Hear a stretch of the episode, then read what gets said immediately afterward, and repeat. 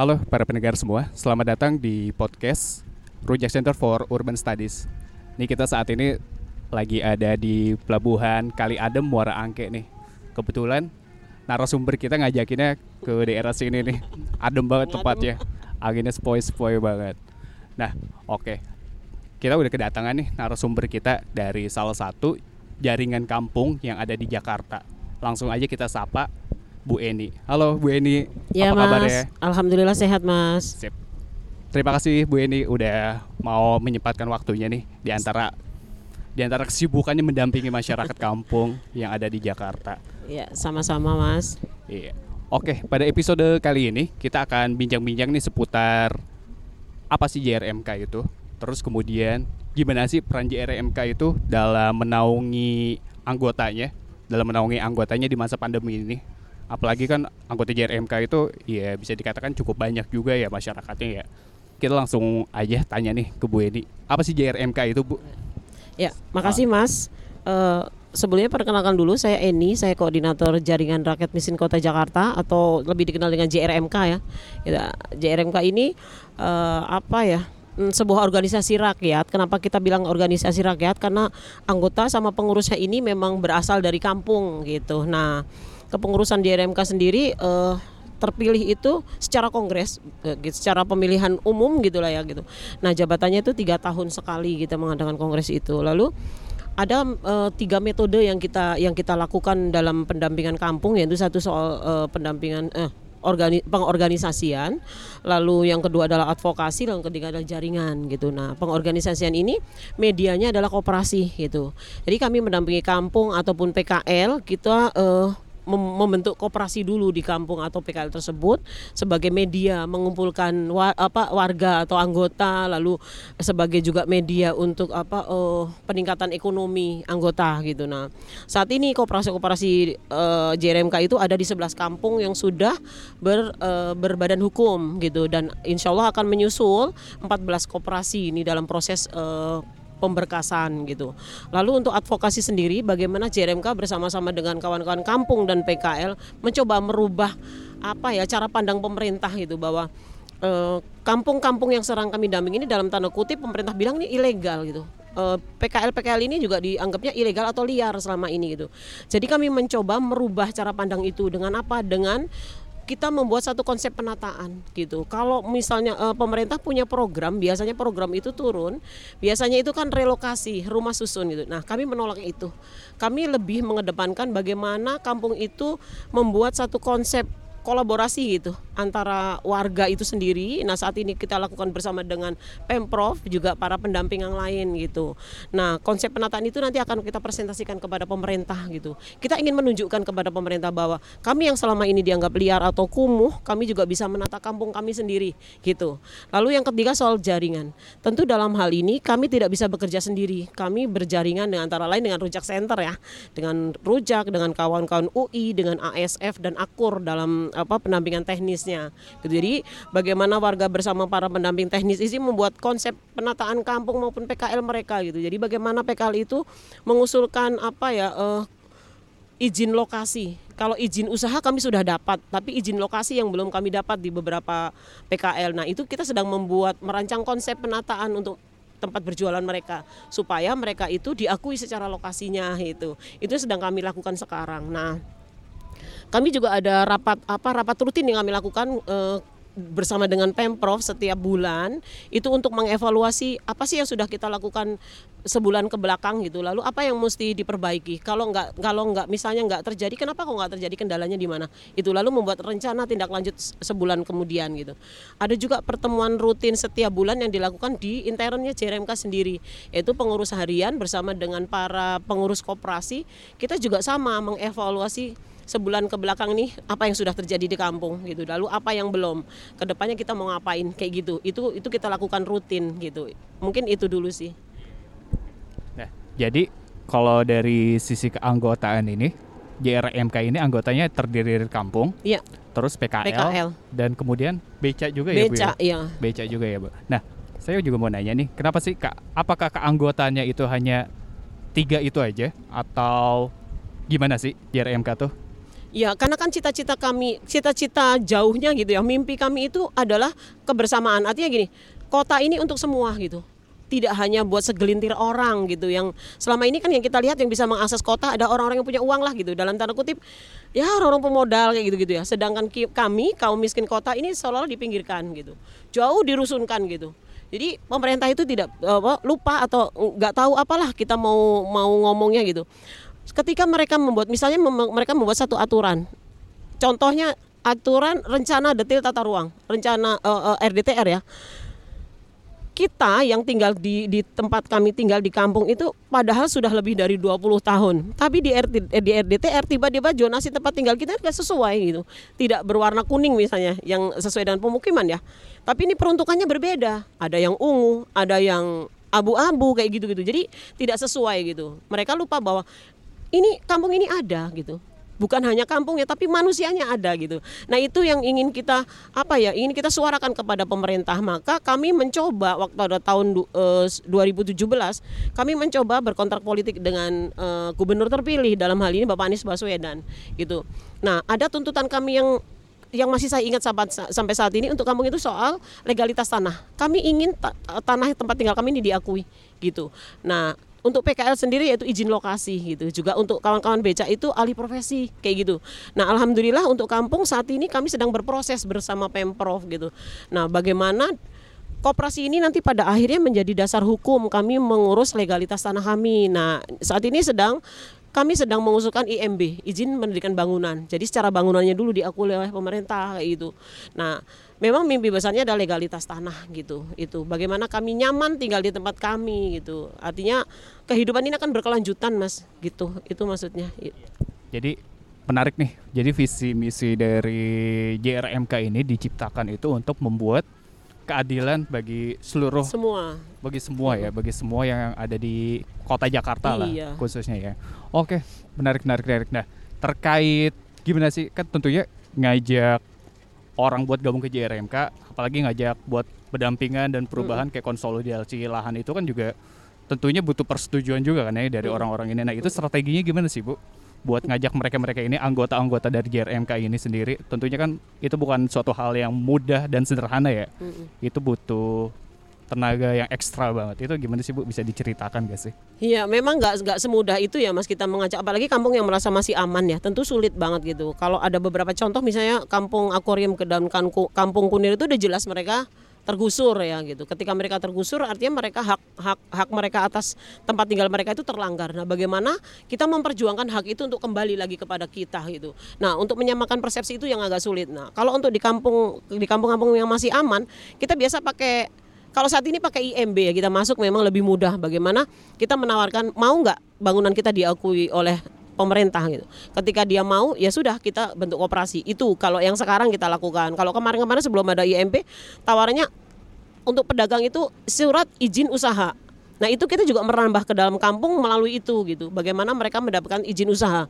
Walaupun kampung kan di dalamnya pasti ada PKL ya, ada para pedagang. Dari situ kita masuk gitu. Lalu kita bentuk koperasi, kita sampai ke, ke, ke mereka e, manfaatnya koperasi ini apa gitu. Ini sebagai landasan hukum kampung. Bagaimana kita akan mempertahankan kampung kita gitu.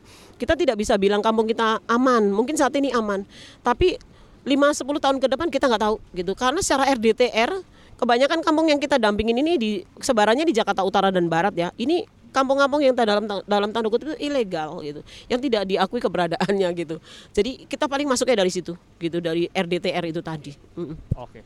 Jadi sebenarnya gimana di awal-awal ngajak mereka itu atau itu itu penting banget kasih pengertian kayak gitu mm -hmm. bu ya, kasih sosialisasi sebenarnya kayak gimana sih fakta-fakta apa aja nih yang ada di wilayah ini sebenarnya. Nah menarik menarik nah saya mau nanya juga proses ini itu udah berlangsung berapa lama, Bu? Proses pendampingan itu mm -mm. dari 2008. 2008. JRMK itu oh, yeah. ada dari 2008. 2008 sampai sekarang ya, Bu ya? Iya. Oke, oke. Nah, selain pendampingan itu sendiri untuk program-program untuk anggotanya itu apa aja, Bu? Selain pendampingan? Apa ya kalau kita nih? Uh, koperasi itu ada kita untuk pemberdaya apa uh, meningkatkan ekonomi warga ya terutama anggota dulu lah gitu. Kita memang ada apa penjualan yang kita lakukan dari koperasi uh, apa apa Pak namanya? Koperasi berdaya berdaya ekonomi. itu koperasi induk lah gitu. Nah, kita mencoba menawarkan ikan asin, produknya sama ikan segar. Lalu beras kita kerjasama langsung dengan petani kendeng gitu. Kita ketawarkan ke koperasi-koperasi eh, kampung gitu. Jadi koperasi kampung nanti menawarkan lagi ke anggotanya. Nah, ada ada keuntungannya ketika mereka berbelanja di di koperasi, tentu ada apa ya SHU yang akan kita bagikan setiap tahun. Lalu juga secara harga mungkin lebih murah daripada di pasaran gitu.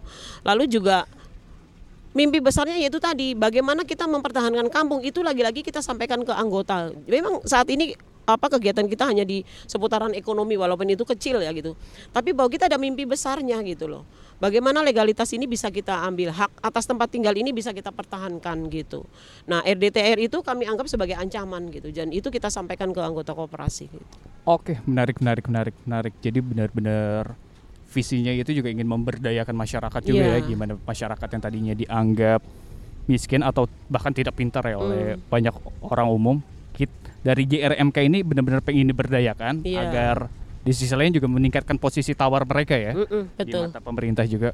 Oke, nah ini kan dalam proses pemberdayaan ini tentunya pertemuan atau pertemuan langsung ya secara offline ya. Mm-mm. Nah, tentunya di di masa pandemi ini punya tantangan tersendiri lah pertemuan-pertemuan ini. Iya. Apalagi ya terkait protokol kesehatan dan segala macamnya. Dan ini juga tentunya pandemi ini tentunya hal baru ya bagi JRMK sendiri ya. Karena emang setelah berapa ratus tahun ini ada lagi pandemi. Nah, itu tantangannya tersendiri gimana sih Bu? Atau pengalaman Ibu sendiri selama pemberdayaan masyarakat di era pandemi ini gimana Bu? Ya, ya tentunya berbeda dengan waktu belum pandemi ya. Kalau belum pandemi kita intens gitu, kita datang ke kampung mungkin seminggu sekali atau dua minggu sekali gitu. Tapi ketika pandemi kita agak menjaga jarak lah gitu, tidak tidak tidak sesering yang kita lakukan sebelum pandemi. Tapi juga ada edukasi yang kita sampaikan ke warga betapa bahayanya eh, apa nih COVID-19 ini ya gitu.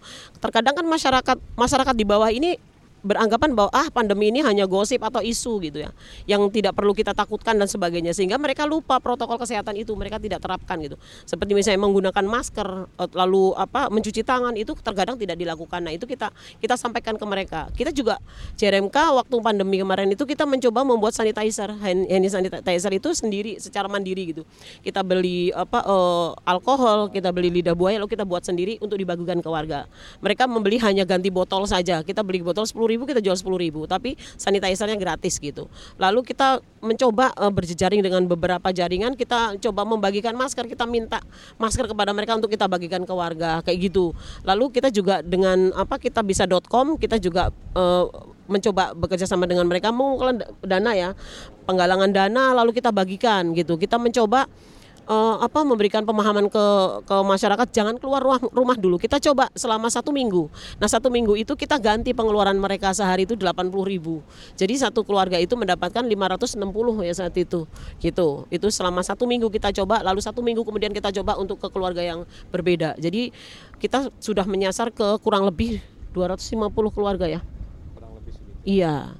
Itu Oke siap. Menarik sih Bu Eni. Ya, hah? Halo? Ya. Jadi menarik tadi eh, bagaimana proses inisiatif yang ada dan aku sempat dengar juga yang terkait ini ya apa namanya eh, distribusi beras ya. Iya. Nah itu kan juga lahir di masa pandemi dan diinisiasi oleh JRMK ya untuk kemudian didistribusikan ke kampung-kampung gitu kan. Nah eh, bagaimana sih eh, awal mula apa namanya ide tentang pangan eh, di level kampung kemudian eh, ini kemudian digagas gitu awal mula ini terbentuk dan dan bagaimana kemudian eh, jaringan dan jaringan ini bertemu eh, kemudian jaringan Bu Eni sebagai kampung dan juga eh, dari kendang yang konteksnya pangan gitu kan bertemu lalu ada kolaborasi untuk eh, distribusi pangan gitu kan Ya, awalnya sih berangkatnya bukan hanya apa eh, soal beras saja mas gitu, tapi dari pembagian sembako oleh pemerintah yang tidak merata gitu kan ada beberapa keluarga yang tidak mendapatkan itu juga. Lalu kami mencoba kerjasama juga dengan pemprov untuk bagaimana kita bisa mengakses bantuan itu. Jadi masyarakat itu tidak hanya menunggu pembagian dari pemerintah, tapi kita JRMK juga ikut andil di situ. Kita kerjasama dengan eh, apa eh, wali kota waktu itu ya kita minta eh, ada ada suplai sembako ke warga yang melalui kita JRMK gitu. Itu dua kali kita dapat. Lalu dari eh, Buddha Suci juga kita dapat, kita bagikan langsung ke warga. Artinya gini, kalau kalau RT mungkin mereka tuh memang punya data konkret gitu, tapi terkadang ada nggak tahu alasannya apa ada keluarga miskin yang tidak tidak tidak bisa mendapatkan hak itu gitu. Tapi kalau kita JRMK kita lebih menyisir dulu. Kita kita mendata betul gitu siapa yang tidak dapat dari Pemprov gitu dari pemerintah lah ya gitu. Siapa lalu terutama KTP non DKI ini jarang sekali dapat gitu. Lalu pengontrak. Nah, itu sasaran kita sebetulnya tadinya. Nah, apabila sisa baru kita bagikan ke keluarga yang lain gitu. Itu awalnya itu. Lalu bagaimana kita uh, lalu ada inisiatif gimana kalau kita kerjasama dengan petani kendeng gitu. Kita bantu penjualan mereka juga. Nah itu juga ada subsidi dari kawan-kawan uh, kita bisa.com jadi harga harga beras yang seharusnya sepuluh ribu kita subsidi menjadi lima ribu. Dan itu kita bagikan juga ke warga gitu. Itu untuk ya menolonglah di masa pandemi ini. Dan alhamdulillah sih itu disambut baik oleh warga gitu. Ada banyak hal yang kita lakukan di saat pandemi ini sih untuk membantu apa ya meringankan beban lah sedikit gitu kepada masyarakat itu. Ya jadi memang kalau kita lihat uh, ada proses inisiatif-inisiatif yang yang sebenarnya ini jadi alternatif tersendiri gitu dan hmm. dan uh, pada saat itu kita mungkin kita yang kita alami pandemi itu belum ada jarang banget masih bantuan dari pemerintah gitu. Mm -hmm. Pemerintah masih mau menggagas malah kalau nggak salah jalan. Kalau mungkin di level warga sudah udah mulai tergerak. Udah mulai, gitu kan. iya. Jadi kemarin juga sempat ngobrol sama siapa namanya dari Bogor, komunitas mm -hmm. Bogor bahkan dari level inisiatif di komunitas masyarakat dia tuh mencoba me, me, apa menggairahkan untuk uh, donor plasma darah gitu kan. Dan ternyata memang uh, apa dari puskesmas dan dinas kesehatan belum menjalan sampai ke situ mm -hmm. gitu dan akhirnya itu direspon baik gitu. Dan memang uh, kita lihat konteksnya hampir sama. Artinya bagaimana uh, inisiatif warga ini sangat-sangat diperlukan di masa pandemi ini. Dan yeah. bagaimana kita tidak kita bisa melihat bagaimana proses itu terjadi sebenarnya gitu kan. Lalu uh, apa sih yang Bu Eni lihat tantangan ke depannya terhadap uh, eh, JRMK saat ini kalau kita lihat ya dari konteks pandemi yang mungkin kita kira tiga bulan ternyata udah setahun iya. gitu. konteksnya apa nih yang yang yang, yang ibu lihat ke depannya nih akan seperti apa sih kehidupan nih terutama yang dijalani oleh JRMK um, melakukan pendampingan dan aktivitas sehari-hari gitu dan juga apa sih yang akan dilakukan ke depannya gitu melihat kondisi yang kita jadi nggak nggak tahu gitu pandemi juga nggak tahu sampai kapan, sampai kapan gitu kan. Terus mm -hmm. uh, apa sih yang yang diharapkan ke depannya? Bagaimana ini kejadian uh, kota ini akan berjalan kira-kira ada nggak sih bayangan ke sana gitu? Atau analisa-analisa yang mungkin Bu ini sehari-hari juga lapangan ke mana-mana gitu kan. Mungkin Bu ini punya bayangan tersendiri ya melihat ke depan nih kota seperti apa sih gitu. Kayak gitu. Ya kalau kami sendiri di JRMK ya. Apalagi saat ini ya. Saat ini nih kami beranggapan ya sudahlah gitu. Pandemi ya pandemi gitu. Tapi bahwa pendampingan itu tetap harus kita lakukan gitu. Yang penting itu tadi protokol kesehatan tetap kita jalankan gitu. Kita tetap ya kayak hari ini rapat ya kita rame gitu ya. Kita kita nggak pernah memikir oh, ini bahaya nggak sih? gitu. Kita ya Bismillah aja lah gitu. Dan hari ini kita juga sempat ke Kali Adem juga nengokin uh, apa PKL dampingan kami gitu. Ya harapan kami pandemi ini tetap ber, apa cepat berlalu itu. Itu harapan harapan kami banget ya. Mungkin semua juga berharap seperti itu. Jangan terlalu berlarut-larut lah gitu. Tapi bahwa ada perhatian khusus yang di, yang dilakukan oleh pemerintah gitu ke bawah seperti yang kita lihat ya bansos saja kok dikorupsi gitu. Ya tadi juga menjadi bahasan gitu kan keterlaluan banget gitu. Sementara kita menjerit gitu banyak warga kayak pedagang dagang kan sepi banget ya. Dampaknya kan sepi gitu. Artinya pemasukan ini menjadi turun drastis banget lah. Ya saya sendiri juga merasakan gitu. Suamiku kerja udah nggak stabil lagi lah gitu. Karena nggak nggak nggak kerja ya, kita berduit juga karena kebijakan bosnya aja kali ya gitu. Gitu. Jadi pemerintah itu lebih membuka mata gitu loh. Bahwa ini warga miskin kota ini memang perlu perhatian khusus gitu. Kami tidak hanya meminta gitu. Kami tidak berharap dikasih saja, tapi bagaimana pemerintah memberikan kail kepada kami gitu, memberikan alat kepada kami supaya ekonomi kami ini berdaya gitu. Tidak melulu kami diberikan sembako. Saya kira sembako itu tidak mencukupi, ya kan? Itu tidak mencukupi lah. Karena kita miskin, karena posisi warga ini miskin, bahkan sembako itu sampai dijual. Karena tidak bisa dipungkiri, kebutuhannya bukan hanya sembako, ya kan? Anak sekolah mesti beli kuota ya kan? Listrik harus dibayar kontrakan harus dibayar air harus dibeli. Itu kan kebutuhan-kebutuhan lain gitu. Tidak hanya makan gitu. Ada kebutuhan lain yang mesti pemerintah tahu nih gitu. Nah bagaimana mensiasati itu PR-nya pemerintah gitu. Kita nggak tahu bagaimana caranya. Kami hanya tahunya masyarakat miskin kota ini terlayani secara hak gitu loh. Hak kami adalah tetap hidup bersama dengan apa kota yang sekarang sedang berkembang ini. Silahkan pembangunan tetap berjalan tapi bahwa kemiskinan kota ini harus dientaskan gitu loh. Warga miskin kota ini ada loh di balik pembangunan itu gitu. dan harus tetap ada. Karena kampung kemi- apa warga miskin kota ini adalah cikal bakal dari kota yang tidak bisa dipungkiri. Tidak akan ada kota kalau tidak ada kampung gitu loh gitu. Jadi itu PR-nya pemerintah. Bagaimana kami diberikan pemberdayaan ekonomi supaya kami tetap hidup gitu loh. Ya kalau orang kaya kali pandemi nggak masalah mereka banyak duit ya kan? Apa pun bisa laku dia lakukan. Di rumah saja pun dia tidak akan kelaparan. Sekarang belanja online tinggal pencet mereka makanan datang sendiri. Kalau si miskin apa mungkin? Ya kan? Secara harga mahal. Kok beli? Ya gitu. Ya nggak bisa beli gitu. Terkadang anak sekolah aja sampai drop lah istilah drop out kuota yang dibelikan oleh sekolah itu nggak mencukupi untuk mereka belajar gitu loh. Kuotanya gede banget ketika mereka belajar gitu. Pasang wifi ya nggak bisa bayar gitu. Itu yang harus pemerintah lihat gitu. Banyak hal bukan hanya sembako gitu loh. Kami tidak hanya butuh makan. Kami ada kebutuhan yang lain gitu loh. Bagaimana pengontrak lalu tidak bisa bayar kontrakan? Mereka harus keluar dari kontrakan itu gitu loh. Saya ini bicara fakta karena anak saya sendiri juga mengalami hal itu suaminya di PHK istrinya di PHK rumahnya ngontrak anaknya tiga masih pada bayi. Saya keluarga saya sendiri. Jadi bukan omong kosong ini memang kenyataannya kayak gitu gitu loh. Ada loh kejadian kayak gitu gitu loh. Nah ini pemerintah nggak tahu gitu loh. Tapi ketika kita kasih masukan seolah-olah tidak mendengar gitu loh. Ini harus disuarakan betul gitu bahwa ada sesuatu di balik apa ya makanya kita ya greget gitu sembako aja sampai dikorupsi gitu loh ya kan? Sela- sementara kita ini menjerit tidak hanya makan kebutuhan kami gitu. Itu itu yang harus pemerintah tahu. Menarik bu. Jadi eh, halo ya menarik bu. Jadi kita lihat eh, tadi bagaimana ya eh, konteks kenyataan di masa pandemi ini ya. Dan memang kita ta- tadi tahu ya bahwa eh, apa namanya program pangan ini kan kalau nggak salah lahir emang di masa pandemi itu bu ya Iya. ya kan yang kendang sama kampung gitu kan pendistribusian pangan sementara kalau kita lihat juga di level pemerintah sekarang lagi sibuk mikirin impor gitu Iya, itu di dia. pandemi jadi di- Mm-mm. sibuk juga mikirin uh, apa namanya cipta kerja gitu. Jadi mohon maaf mungkin pemerintah sibuk mikirin ke situ dulu gitu. Jadi aku pikir gitu. Jadi terus eh, terkait tadi bu program pangan ini akan apakah akan terus berjalan ke depannya gitu bu? Se- sampai sekarang masih berjalan mas gitu. Hmm. walaupun sekarang harganya sudah normal tidak Iya. karena tidak ada subsidi lagi Iya. gitu kan.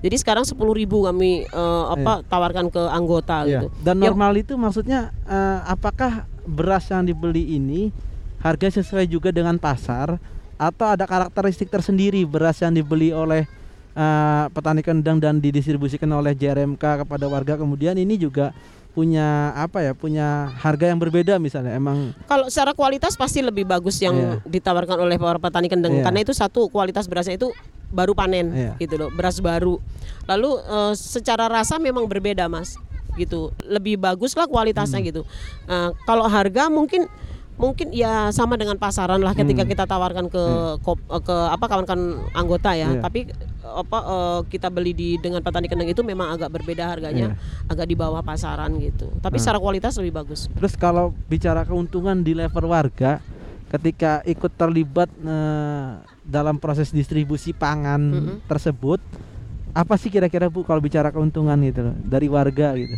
Ya kalau anggota ya Iya. kita jangan bicara warga Iya, anggota, anggota ya. ya, Eh. Kalau Iya. keuntungannya anggota yaitu akan mendapatkan SHU. Dia Ah. ber- dibeli mungkin harganya sama dengan warung ya. Iya. Harganya sama dengan warung. Tapi ketika dia beli di koperasi, artinya dia ikut membesarkan koperasi tersebut. Lalu ada SHU yang kami janjikan setiap tahun itu. Hmm. Nah, yang paling terpenting yaitu bagaimana nah saat ini anggota ini punya hak untuk mendapatkan IMB gitu. Koperasi diberi diberikan kesempatan untuk mendaftarkan anggotanya untuk mendapatkan IMB. Hmm. Nah, kemarin kita baru rapat dengan Dinas PTSP gitu. Jadi nanti IMB IMB-nya itu pemohonnya adalah koperasi gitu. Hmm. Gitu. Di dalamnya nama-nama anggotanya. Kalau orang di luar koperasi bisa mengurus tapi harus menjadi anggota Iya. koperasi dulu gitu. Benar. Tentu banyaklah keuntungannya ketika mereka menda- eh, apa mendaftarkan diri sebagai anggota koperasi Iya. gitu. Banyak kegiatan yang kami akan tawarkan ke mereka Iya. gitu. Tentu akan akan berbeda lah. Iya. Secara hak di tempat tinggal juga berbeda dengan bukan anggota. Iya. Itu bagaimana mereka soal sertifikat lah. Kita kan mimpinya sertifikat Iya. ya. Yang akan mendapatkan anggota dulu dong. Hmm.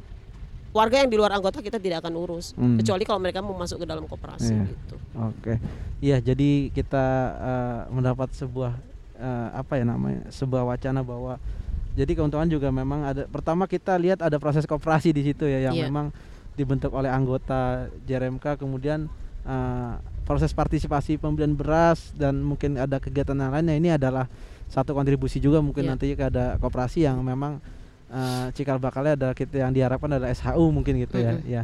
Nah, terus ini sih Bu Weni eh, sejarah sejauh ini ya terkait eh, proses yang Ibu Weni dilakukan di lapangan gitu ya.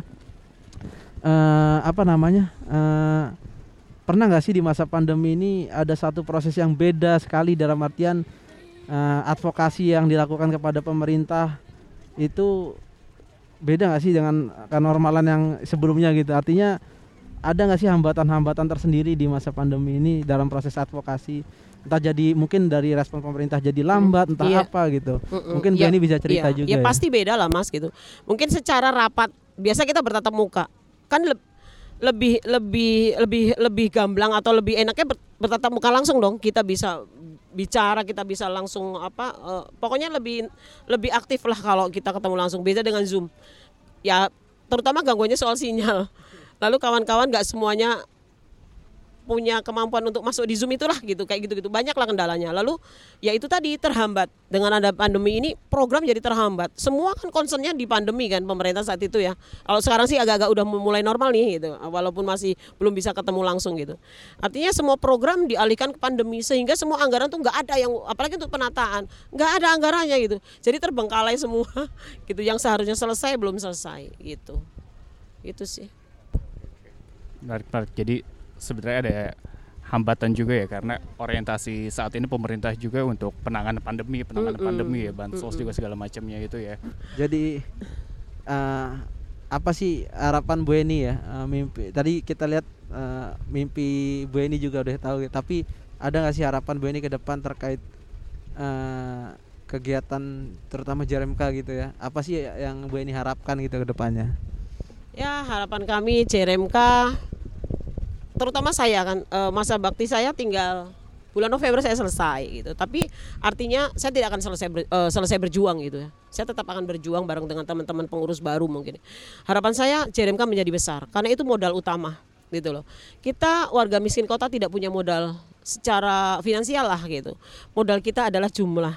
Karena semakin gede jumlah kita warga miskin kota di ya mimpiku sih di DKI semua bergabung gitu ya, tidak hanya utara dan barat gitu.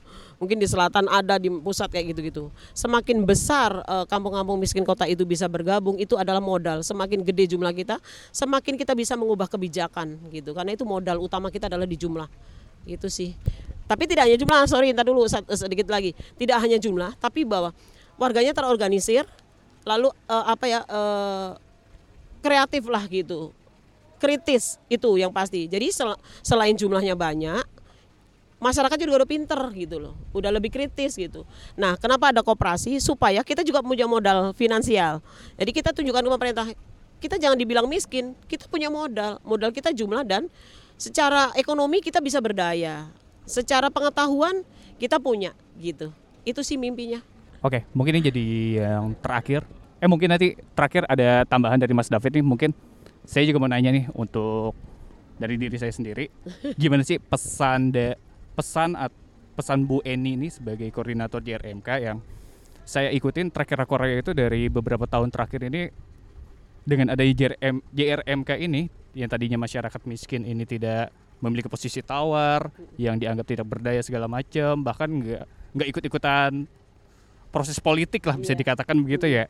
Ini pesan ibu untuk daerah-daerah lainnya nih atau daerah-daerah atau warga-warga lainnya nih yang ingin melakukan hal yang sama dengan JRMK tentunya kan hasil-hasil yang dilakukan oleh JRMK selama beberapa tahun ini luar biasa banget lah bisa dikatakan ya misalnya kayak kampung akuarium Mega yang tadinya tergusur sekarang udah dibangun Iya. kembali ya nah pesan pesan Bu Eni nih untuk orang di luar JRMK lah gimana nih Bu pesannya Iya, ya seperti yang saya tadi bilang ya. Kita kan modalnya hanya jumlah, Mas. Harapan saya semua kampung-kampung miskin yang ada di Jakarta, ayo mari kita bergabung gitu. Kita berjuang bersama untuk mempertahankan kampung kita. Karena tidak ada yang bisa menjamin bahwa kampung kita aman gitu. Ya kan? RDTR itu dibuat kan sampai tahun 2030. Ya kan? Nah, itu kalau bagi kampung miskin itu menjadi sebuah ancaman. Ketika RDTR itu bilang, "Eh, ini kampungmu warnanya ungu loh." Artinya untuk perkantoran dan jasa ya kan. Ini kampungmu warnanya hijau loh, apalagi hijau ya kan nggak bisa buat pemukiman gitu nah tidak ada yang bisa menjamin bahwa kita aman entah 5 atau 10 tahun ke depan mungkin kita tidak akan ada. Nah, tapi kalau dari sekarang kita mengantisipasi, mempersiapkan diri kita, paling tidak walaupun kita harus harus tidak ada, ada nilai tawar yang akan kita berikan kepada pemerintah. Oke, boleh kita uh, dipindahkan dari kampung kita, tapi ada tapinya. Contohnya Blok Eceng. Blok Eceng ini mereka ini akan terdampak di pembangunan IPAL gitu loh. Tapi mereka terorganisir. Eh Bu, maaf, nyala dikit. IPAL itu apa Bu? Saluran limbah ya. Pipa saluran pembuangan limbah. Ya. Iya. Nah, makanya alhamdulillah mereka bergabung dengan JRMK. Kami coba koordinir warganya menyatukan mimpi dulu ini maunya apa kami ingin bertahan nah rujak masuk sebagai pendampingan teknis sekarang mereka punya konsep perencanaan maka mereka ke depannya walaupun mereka tidak tidak tidak di tempat mereka sendiri tapi mereka akan melakukan konsolidasi tanah gitu. Mereka akan dipindahkan satu tempat gitu. Dan tempat tinggal mereka lebih layak. Nah itu mimpi kita ke depan semua kampung akan melakukan hal yang sama. Kita semua punya konsep penataan atas kampung kita sendiri gitu. Menarik nih pesan dari Bu Eni. Sebenarnya kalau saya ambil sederhananya itu kita untuk berubah itu harus bareng-bareng. Iya. Ada peran penting solidaritas juga, berkolaborasi dan ingin tahu dan komitmen. Iya. Oke, nih mungkin ter terakhir ada pertanyaan dari Mas David nih. Udah gemeter banget tangannya nih. Oke. Halo Bu Eni, ya. Jadi aku mau mungkin dari teman-teman juga pengen tahu ya sejauh ini uh, eh, JRMK ini berjejaring dengan organ apa aja sih dan dan dan sejauh ini terlibat di mana aja kalau nggak salah ada uh, air juga gitu yeah. ya koalisi air hmm. terus ada perempuan juga Bu ini ya nah mungkin Bu ini bisa cerita sedikit itu Bu ini ya iya terima kasih uh, eh, JRMK ini ada beberapa JRMK ya tapi namanya tentu berbeda-beda di beberapa kota itu ada di Lampung, Lampung juga kebetulan namanya JRMK juga gitu. Kami tergabung di Jerami, Jejaring Rakyat Miskin Indonesia. Itu ada di Lampung, ada di Jogja, Surabaya, Porong, Makassar, Kendari, ya kan? Nah, itu Jerami. Nah, untuk di Asianya kami juga ada Lokoa. Nah, itu juga apa ya gabungan para CO sama organisasi rakyat lah itu di situ. Jadi kami ingin menyamakan isu gitu loh soal kemiskinan kota gitu bahwa kota untuk semua itu mimpi bersama gitu. Nah, kalau di Jakarta kami juga berjejaring dengan beberapa kami berkoalisi untuk menggugat masalah air ya. Menggugat air di Jakarta yang sekarang diswastanisasi ya kami ingin dikembalikan hak atas air itu kepada warga.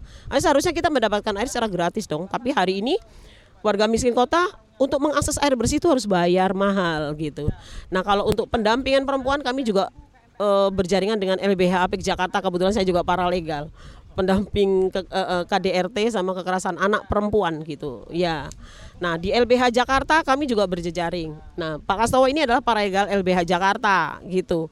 Jadi memang ya itu gunanya kita berjejaring dengan beberapa pihak ya kita nggak bisa sendiri memang tidak bisa dipungkiri nggak akan kuat kalau JRMK sendiri karena secara hukum kami nggak paham secara teknis konsep apa desain kami juga nggak paham gitu jadi memang itu perlunya kita berjejaring dengan beberapa pihak Oke, emang peran penting dari kerjasama itu bisa penting memperkuat banget, ya, iya. bisa saling mensupport dan segala macamnya. Oke, mungkin ini bisa jadi terakhir dari episode kali ini.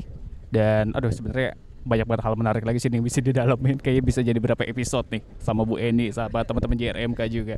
Oke mungkin sebelumnya saya ucapkan terima kasih Bu Sama-sama. untuk Bu Eni udah menyempatkan waktunya nih dan menyediakan tempat yang sangat amat luar biasa sekali nih di pinggir dermaga. Oke, sekian dari episode kali ini. Bye.